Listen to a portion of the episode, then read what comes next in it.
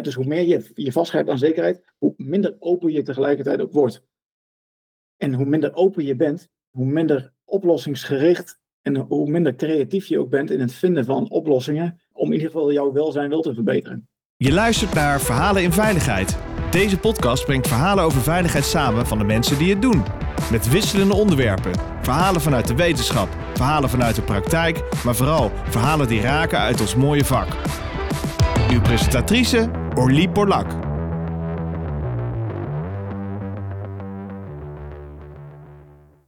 Welkom uh, luisteraars. Het is weer tijd voor een uh, mooie podcast. Ik zit natuurlijk niet alleen in de studio. Ik zit in de studio met uh, Bas Kramer. Hij is Human Performance Specialist en heeft als militair en ook als burger bij Defensie meer dan 20 jaar ervaring in het omgaan met complexe situaties, het geven van leiding en instructie, het begeleiden van medewerkers en het zijn van een rolmodel. Daarnaast is Bas tot de realisatie gekomen dat het eigenlijk allemaal draait om hoe we in ons vel zitten. Een mooie quote, zonder welzijn geen progressie. Maar uh, je gezicht komt me ook wel heel erg bekend voor, Bas. Waar, waar ken ik je nou eigenlijk nog meer van? Ik denk dat er mensen die in ieder geval een abonnement hebben op uh, Videoland, zonder daar gelijk gesluipreclame van te maken, dat ze mij kennen van het uh, programma Special Forces VIPS, waarvan we inmiddels uh, drie seizoenen hebben gemaakt. En nou ja, goed, waar ik optreed als staflid, ook vanwege mijn ervaring bij Special Forces, dat ik daar lang gewerkt heb als op, Special Forces operator, maar ook als instructeur op de commandoopleiding. En ook vanuit die hoedanigheid gecombineerd met mijn studieachtergrond uit de psychologie, gedragskunde en dergelijke, dat ze me gevraagd hebben om daar als staflid op te komen treden. En dat is denk ik waarom, de, de, als, de, als de mensen me überhaupt al kennen, dan is het daarvan. Ja, dus ik heb gewoon eigenlijk een bekende Nederlander in de studio zitten. Ja, nog een, een, een semi-bekende Nederlander. Semi-bekende Nederlander. Maar ik vind het mooi, um, quote van jou, een mooie stelling. Zonder welzijn geen progressie. Uh, kun je dat eens uh, toelichten? Nou, dat kan ik wel toelichten. Het gaat ook meer een beetje om de volgorde. Hè? Want sommige mensen die, uh, die zijn wel eens op zoek hè, naar geluk. Van hoe word ik dan precies gelukkig? En die hebben dan een eindeloze zoektocht in de buitenwereld. Zoals ik dat altijd maar even uiteenzet, binnenwereld en buitenwereld. in de buitenwereld naar geluk. Terwijl geluk in mijn ogen geen ultiem doel is om te leven. Of in het leven, maar meer een randvoorwaarde om te leven. En optimaal te kunnen leven en helemaal om het optimale uit jezelf te kunnen halen. En uh, dat geluk, dat, dat, dat vloeit vaak op een natuurlijke manier voort wanneer mensen in balans zijn. En met balans bedoel ik dan eigenlijk wanneer mensen nou, een goed, goed evenwicht hebben tussen uh, inspanning en ontspanning, tussen slaap en alertheid, tussen agitatie en kalmte. Daartussen. Dat ze goed in balans zijn van binnen. Dus als, uh, waar ze dus geluk of welzijn vaak in de buitenwereld zoeken, is het, eh, waar we net in het voorgesprek al, eigenlijk al over hadden, is het echt een 100% interne aangelegenheid. En dat is waarom mensen dat ook nooit in de buitenwereld zoeken. Dus, sommige mensen zijn, die, die, die, die doen hun hele leven lang iets wat ze, waar ze een hekel aan hebben. Voor een einddoel wat, wat ze nooit gaan vinden. Als dat einddoel inderdaad geluk is. En andersom gezegd, dat gelukkig voelen of welzijn ervaren. En omdat dat een 100% interne aangelegenheid is, heb je daar zelf de volledige controle over. Als je die neemt. En als je jezelf niet de, het slachtoffer van alle omstandigheden baant de hele tijd. want slachtofferschap is in mijn ogen precies het tegenovergestelde van uh, verantwoordelijkheid. En wanneer mensen echt de verantwoordelijkheid zouden nemen over hun eigen gedachten, uh, gevoelens, emoties en gedragingen. Als ze dat werkelijk doen, dan, dan zullen ze merken dat je steeds meer het stuur van, van je eigen ehm, doelen en van je eigen leven in handen krijgt. En dat betekent ook dat je dus progressie boekt in de richting van die doelen in, in de buitenwereld. En dat is wat ik bedoel met welzijn, is eigenlijk een randvoorwaarde om progressie te boeken in de buitenwereld. Dus als je goed en effectief aan je doelen wil werken, dan uh, zou ik iedereen de tip willen geven om in balans te komen. En uh, te zorgen dat je, ja, dat, je, eigenlijk hoef je alleen maar je stemming te, te leren reguleren. En dus op te merken wanneer je dus oftewel een niet helpende stemming hebt of een helpende stemming. Hè, om ook, ook de term te vermijden van negatief of positief. Al kun je het wel vaak zo framen van of ik voel me gewoon ellendig negatief of ik voel me super positief. Maar alleen al het, het toekennen van een soort oordeel aan een stemming is vaak al niet eens echt zinvol. Uh, het is gewoon een stemming. En, hoe meer drama je er zelf aan toekent door het een oordeel te geven, hoe dramatischer het ook wordt. En uiteindelijk een soort negatieve emotie zelfs wordt. Wat je volledig zelf eigenlijk maakt door een bepaalde betekenis die je geeft aan de situatie at hand. Of aan de buitenwereld. Of een gevoel die je aan de binnenkant hebt. Soms ben je gewoon moe. Heb je slecht geslapen of heb je iets slechts gegeten. En dan kun je een beetje onheimisch voelen. En als je dat dan, dan komen er vanzelf die gedachtenmachine, zoals ik de, de hersenen vaak maar noem. Die komt dan gelijk met corresponderende eh, gedachten die horen bij dat gevoel. die zoekt alleen maar naar verklaringen van waarom voel ik me zo. En dan, dan, dan graaft hij even uit dat, uit dat kaartenbakje uit het verleden. want dat, uh, zo noem ik dan het geheugen, is ook een soort opsomming van, van uh, prikkels die je allemaal hebt gehad vanaf je geboorte tot en met nu. En die vist daar alle gedachten en, en, herinneringen uit die passen bij het gevoel dat je in het hier en nu ervaart.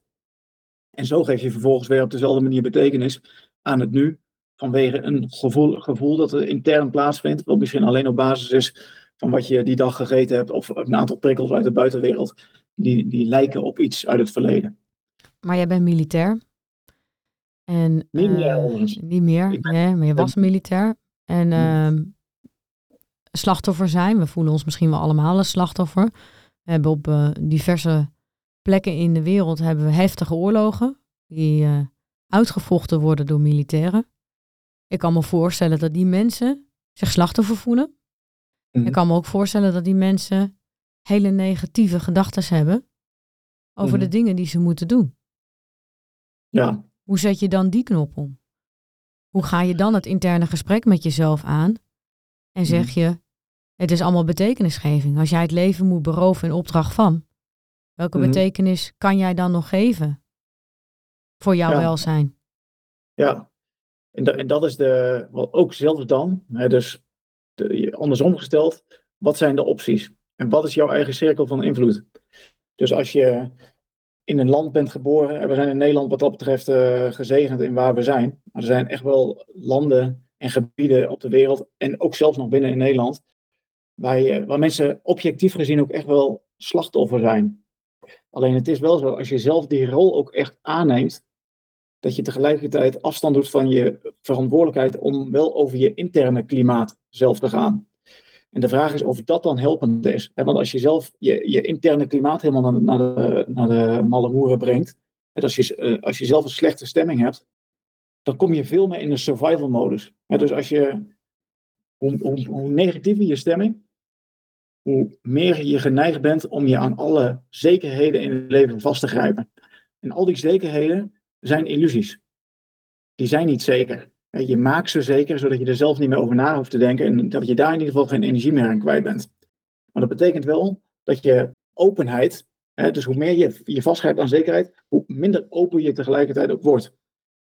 En hoe minder open je bent, hoe minder oplossingsgericht en hoe minder creatief je ook bent in het vinden van oplossingen om in ieder geval jouw welzijn wel te verbeteren. En dus hoe minder uh, vermogend je ook bent in die survival modus. Want wat gebeurt er in een survival modus? Ja, dan gaat toch het bloed stroomt vooral naar de plekken die jou uh, die, die de zuurstof en de brandstof nodig hebben om te vechten tegen een bepaalde situatie of om te vluchten van, van een bepaalde situatie. En dat bloed wordt dan vooral ontrokken uit de menselijke gedeeltes van je brein die je echt nodig gaat hebben om verantwoorde keuzes te maken en om ook je menselijke eigenschappen nog de boventoon te laten voeren. Want als mensen echt in de survival modus komen, dan worden ze heel primair. En primair betekent ook egoïstisch. Van als ik maar overleef, en uh, dan kunnen mensen over lijken gaan. En dan moreel en ethiek en zo, dat bestaat dan in één keer niet meer. En dat is waarom uh, ja, in oorlogssituaties en mensen die bedreigd worden, ja, ook in staat zijn tot veel ernstige dingen. Of ja, dreigende dingen, gevaarlijke dingen. En uh, dat is wat ik daarmee bedoel. Begrijp je wat ik bedoel met, met objectief slachtoffer zijn en, en subjectief slachtoffer zijn? Ja, wat ik lastig vind, is dat het lijkt me een heel moeilijk gesprek met jezelf. Kijk, je hebt een natuurlijke neiging, denk ik, als je iets doet wat ver van je afstaat, om daar negatieve gevoelens voor te hebben. Kan me heel goed voorstellen dat uh, de stress en de angst en de adrenaline in een, in een bepaalde gevechtssituatie, een bepaalde stresssituatie, jou inderdaad in die survival modus brengt. Ik kan me ook heel goed voorstellen dat die survival modus verlammend werkt. Zorgt dat je eigenlijk niet meer goed kan nadenken. En dat je dingen doet die je eigenlijk achteraf met nadenken in rust, in de, in de veiligheid van je huis en de veiligheid van je hart en je ziel, misschien nooit had gedaan. Mhm. Waar ik heel erg benieuwd naar ben, is omdat je zoveel ervaring hebt bij het leger. En je hebt wel misschien wel de meest extreme situaties meegemaakt, waar je dus echt als mens wordt uitgedaagd om dat interne gesprek aan te gaan, om uh, je niet te laten leven, door angst, je niet te laten leven door negativiteit en nog, nog eigenlijk met je hoofd erbij te blijven. Hoe doe je dat dan? Hoe ga je dat gesprek met jezelf aan? Hoe vind je die rust? En, en hoe neem je weer controle? Ik denk dat het de belangrijkste les die ik daar eigenlijk in geleerd heb, en wat, wat een hele werkende uh, manier van kijken is naar jezelf, want ik hoor jou zeggen, het gesprek met jezelf aangaan. Dat is op zich ook al heel raar, want hoezo zou je een gesprek met jezelf aangaan, alsof er meerdere zelfen zijn? ik bedoel, ik ben mezelf, punt. Alleen, ik heb al twee instrumenten ter beschikking. Dat is één, mijn geest, en één, mijn lichaam. En wat er in de survival modus gebeurt, is dat, dat ik in één keer gereguleerd ga worden door mijn lichaam en geest. Dus als ik mezelf het bewustzijn zou noemen, en ik ben in staat om altijd een afstandje te hebben van die twee systemen die ik eigenlijk ter beschikking heb gekregen, om in deze wereld ook als een, laten we zeggen, een uh, afgebakend stuk materie te kunnen verplaatsen door, door deze wereld. Om daar van een afstandje naar te kunnen kijken. En dan is dat interne dialoog niks anders dan dat ik even mijn uh, gedachten of mijn lichaam overrol. En want alleen mijn gedachten en mijn lichaam en mijn zintuigen zijn er eigenlijk voor om te overleven in deze wereld. Maar wij als mensen met ons, met ons wonderbaarlijke bewustzijn zijn echt wel in staat om die, laten we zeggen, onze, onze intrinsieke instincten, om die te overstijgen met gedrag en met gedachten. En we kunnen met onze gedachten kunnen voorbij tijd en ruimte denken. En met, onze, met ons lichaam kunnen we onze instincten overschrijven. En dat komt door, omdat we dat met ons bewustzijn kunnen aansturen. Vanaf een afstandje van, oké, ik zie nou, ik zie dat ik dit gedrag vertoon. En ik zie dat ik deze gedachte de hele tijd heb. Of dat mijn, dat mijn brein, die eigenlijk niks anders doet dan de hele dag uh, informatieprikkels die ik in mijn hele verleden heb opgebouwd, om die de hele dag te recyclen. En te kijken van oké, de situatie waar ik dan in het hier en nu ben, waar lijkt dat het meest op? Nou, vervolgens wordt er gekeken van waar leek het het meest op en hoe voelde ik me toen? En zo voorspel je de hele dag, voorspel je je, je huidige heden. Als je in, en, en dat lijden, dat vindt ook alleen maar op twee niveaus plaats. Dat is of fysieke pijn aan het lichaam, of het is mentaal lijden in onze psychologische uh, gedachtenmachine.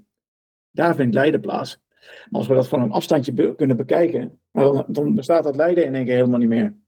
Ik wil niet zeggen dat dat, dat dat makkelijk is, maar dat is wel de, de eerste stap om een pauzeknop in te kunnen drukken. En dat kunnen we om heel objectief te worden naar, naar ons lichaam toe en naar onze geest toe. Van, goh, wat vindt er dan allemaal plaats precies in, in dat brein van mij? Welke gedachten zijn het allemaal precies? En wat, wat, de meeste mensen doen. En dat komt ook door de cultuur, hoe, hoe we gewoon opgevoed worden en opgeleid worden. Is dat we ons heel erg identificeren met ons lichaam en met ons brein. ik zeg altijd, we zijn, je bent niet je gedachten.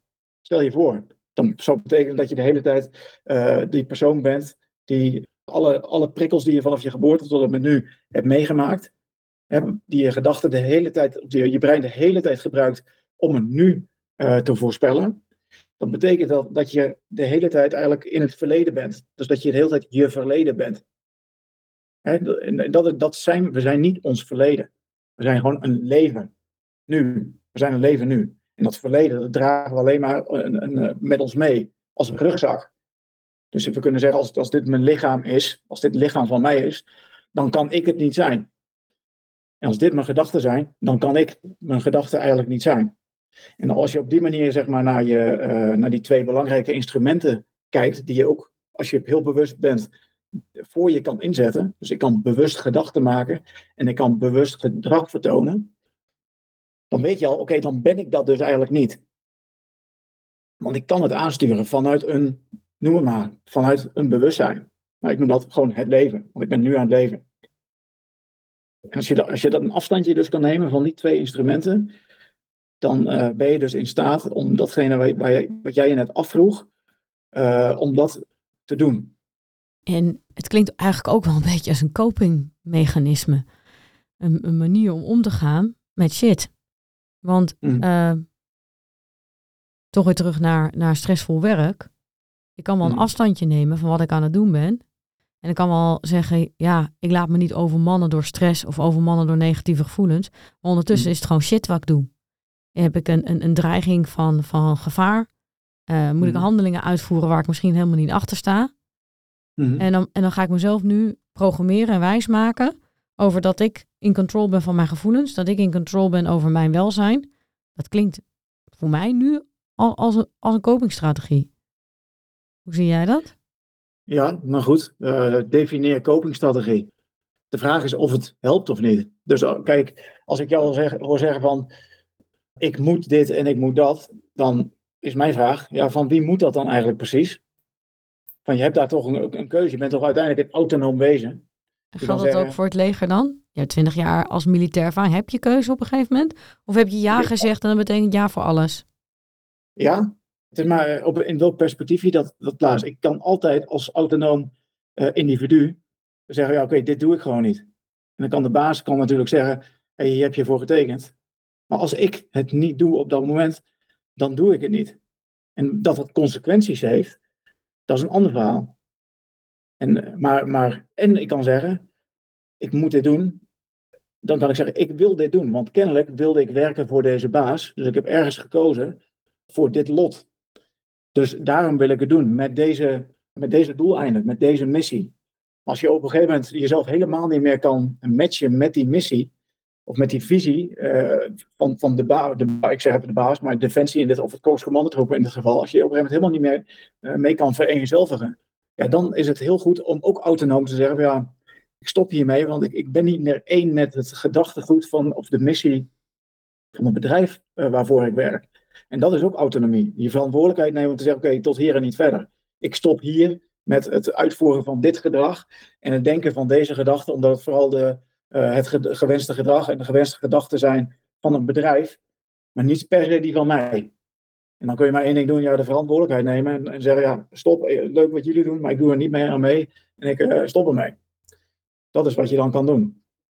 Dan... Ik hoor jou eigenlijk ook zeggen dat je gelooft in vrije wil. Uh, ja, dat kun je op twee manieren bekijken. Op, waarschijnlijk nog op honderdduizend andere manieren, maar ik, ik bekijk vaak op twee manieren. Ik bedoel, er is ooit een oerkanaal geweest, daar heb ik nooit voor gekozen. Dus de hele kosmos is op een manier ontstaan en dat is de enige reden, daar ben ik een consequentie van. Dus alles wat er na mij gebeurt, daar heb ik nooit per se voor gekozen. Zo kun je het zien. Maar dan, dan zou je jezelf wel heel, erg het speelbal van het lot uh, vinden. Maar wat ik bedoel met wel vrije wil, met autonomie, dan bedoel ik daarmee de wetenschap die wij hebben, nu als mens, dat er zoiets bestaat als, uh, als neuroplasticiteit. Hè, dus uh, en adaptiviteit. Dus waar we door de evolutie zo geworden lijken te zijn zoals we zijn geworden. Heet het over de generaties heen, heet het evolutie. In een, in een tijdspanne van een, van een mensenleven heet het adaptatie, of adaptiviteit. Als ik me vandaag aanpas aan de omstandigheden, dan heet het leervermogen. En op, op zenuwcelniveau heet het neuroplasticiteit. En dat is niks anders dan het, het, het vermogen van het brein om te kunnen veranderen in reactie op uh, ervaringen. En als ik dat weet, dat, als ik, dat ik een aandachtig en een wezen ben met, met een bepaald bewustzijn, en dat ik autonomie heb, dat ik een dus zelfbeschikking heb en dat ik kan kiezen waar ik mijn aandacht op richt en hoe ik daar vervolgens betekenis aan geef, dan weet ik ook dat ik mezelf kan richten op omstandigheden waarmee ik mij programmeer. Want als ik, als ik mezelf kan programmeren met omstandigheden uit de buitenwereld, dan weet ik ook welke omstandigheden ik kan opzoeken die ervoor nodig zijn dat ik zo word hoe ik wil worden. En ik kan mij ook met omstandigheden in mijn binnenwereld programmeren, dus met een bepaalde stemming, op de manier hoe ik wil dat ik word. Want mensen die bij, bijvoorbeeld uh, mensen maken iets verschrikkelijks mee. Dus een, een partner of hun kinderen of, of een familielid overlijdt. Een dag later of een week later zijn ze aan het, uh, terecht en aan het, aan het rouwen. En ze zijn daar sick en neurig van en depri. Logisch. Op een gegeven moment zou je verwachten dat daar een soort stijgende lijn weer in komt. Maar sommige mensen, die vraag je een, ma een maand later van, hoe, waarom ben je nog zo verdrietig? Hoe gaat het met je? Ja, uh, mijn, uh, mijn, ouders toen dit, dit, dit. Oké, ja, ik begrijp het. Drie maanden later vraag je nog een keer. Nog steeds sikkeneur, nog steeds depri. Nou, een jaar later nog steeds, nog steeds, nog steeds. Op een gegeven moment wordt het een, een, houding, een attitude. Hè? Op een gegeven moment wordt het een, uh, een karaktertrek. Als je dat maar lang genoeg volhoudt, op een gegeven moment ben je die depri depressieve persoon. En dan is het in, in, in een, een karaktertrek. En om de manier hoe wij opgevoed zijn, tenminste in deze cultuur, dan ligt persoonlijkheid en karakter en zo ligt heel erg, lijkt heel erg in beton gegoten. Terwijl de, de wetenschap is al veel verder. Ik bedoel, de, karaktertrek en persoonlijkheid hangt heel erg af van omstandigheden. En hoe je jezelf daarin in, in remt of in, uh, juist in pusht. Van hoe vaker jij een goede stemming hebt, hoe beter je eigenlijk wordt in het hebben van die stemming. Dus als je elke dag die vrolijke noot bent, en dan bedoel ik niet dat je die vrolijke noot speelt, maar je bent daadwerkelijk gewoon blij en vreugdevol. Hoe vaker je dat doet, hè, zo zullen andere mensen je na verloop van tijd ook omschrijven. En een persoonlijkheidstest, zoals ze uit de psychologie komen, is niks anders dan hoe andere mensen jou omschrijven. Daar, komt daar komt het eigenlijk vandaan. Hè, die, die categorieën van uh, die Big Five en Ocean en dergelijke. Daar, daar komt de hele persoonlijkheidspsychologie vandaan. Terwijl uh, mensen kunnen echt, mensen kunnen van de een op de andere dag veranderen. Uh, wanneer er zoiets verschrikkelijks gebeurt als een oorlog. Mensen die in de concentratiekamp uh, gewoon een hele heftige omgeving krijgen. die kunnen wel degelijk van, bijna van, van dag op nacht veranderen als persoonlijkheid. En als je weet dat dat door omstandigheden komt. En als we, dat we als autonome mensen onze omstandigheden kunnen kiezen uit de buitenwereld. Maar ook controle hebben over onze inwendige klimaat, onze inwendige omstandigheden, dan zeggen we daarbij eigenlijk dat we onszelf wel degelijk tot een bepaalde, uh, tot een bepaalde mate kunnen programmeren in de richting die wij kiezen. En dat wil nog niet zeggen dat dat makkelijk is, maar het kan wel. En dat, dat kost, dat proces, dat, dat kost, daarvoor heb je ten eerste een bepaalde kennis van kennis nodig, van hoe doe je dat dan precies? Ik noem dat bewustzijn. Dus ik, ik, noem altijd vier instrumenten van de vrije wil. Dat is één, bewustzijn. En met bewustzijn bedoel ik ook naar dat wonderbaarlijke uh, menselijke brein dat we hebben. Waarmee we dus een afstandje kunnen nemen van ons lichaam en van ons geest. En eigenlijk een, een pauzeknop kunnen drukken tussen de prikkels uit de buitenwereld en onze reactie daarop. Tussen stimulus en respons. Maar we hebben ook een, een eindeloos geheugen waar we in kunnen graven en de relevante informatie uit kunnen halen en gebruiken in het nu. En een oneindige verbeeldingskracht, waarmee we kunnen dromen over de toekomst en ambities kunnen hebben. En die vervolgens ook nog kunnen vertalen naar concepten en verhalen en strategieën en plannen die we ook nog met anderen kunnen delen om er gezamenlijk aan te werken. dat kan ook nog. En uh, nou dat in combinatie, dus als dat stap 1 is, met, met, van bewustzijn van oké, eh, waar naartoe wil ik eigenlijk veranderen? Wat zijn mijn doelen eigenlijk precies? Welke stappen moet ik daarvoor nemen? En twee, mindset. En mindset, dat, dat, is ook een beetje een containerbegrip, maar dat bedoel ik eigenlijk met een mentaal landschap creëren in je binnenwereld, die helpend is in de richting van jouw doelen. Dus mindset als containerbegrip wordt heel vaak gebruikt, maar het is niks anders dan een, dan een set aan overtuigingen. dus over bepaalde domeinen in het leven, van hoe denk jij over uh, godsdienst, hoe denk jij over stress, hoe denk je over gezondheid, dat je bepaalde standpunten daar hebt ingenomen. En een overtuiging is in mijn ogen niks meer dan een gedachte die heel vaak gedacht is. En als je die maar vaak genoeg denkt, dan ben je ooit vergeten dat je de gekozen hebt voor die gedachte, of dat je die gedachte er binnen is geschoten op basis van prikkels uit de buitenwereld. En het is op een gegeven moment een overtuiging geworden. En als je die overtuiging maar vaak genoeg denkt, dan wordt het vanzelf een keer een waarde. En dan is het ook nog zo, als je die overtuiging op jezelf richt, dan wordt het in één keer identiteit of zelfwaarde. Het zijn allemaal gedachten. Het maakt allemaal onderdeel uit van, van die mindset. En mijn vraag is altijd: heb je een helpende mindset, een growth mindset? of een uh, stress enhancing mindset, noemen, noemen ze het ook al. Hè? Dus hoe kijk je naar stress als schadelijk of juist bevorderlijk?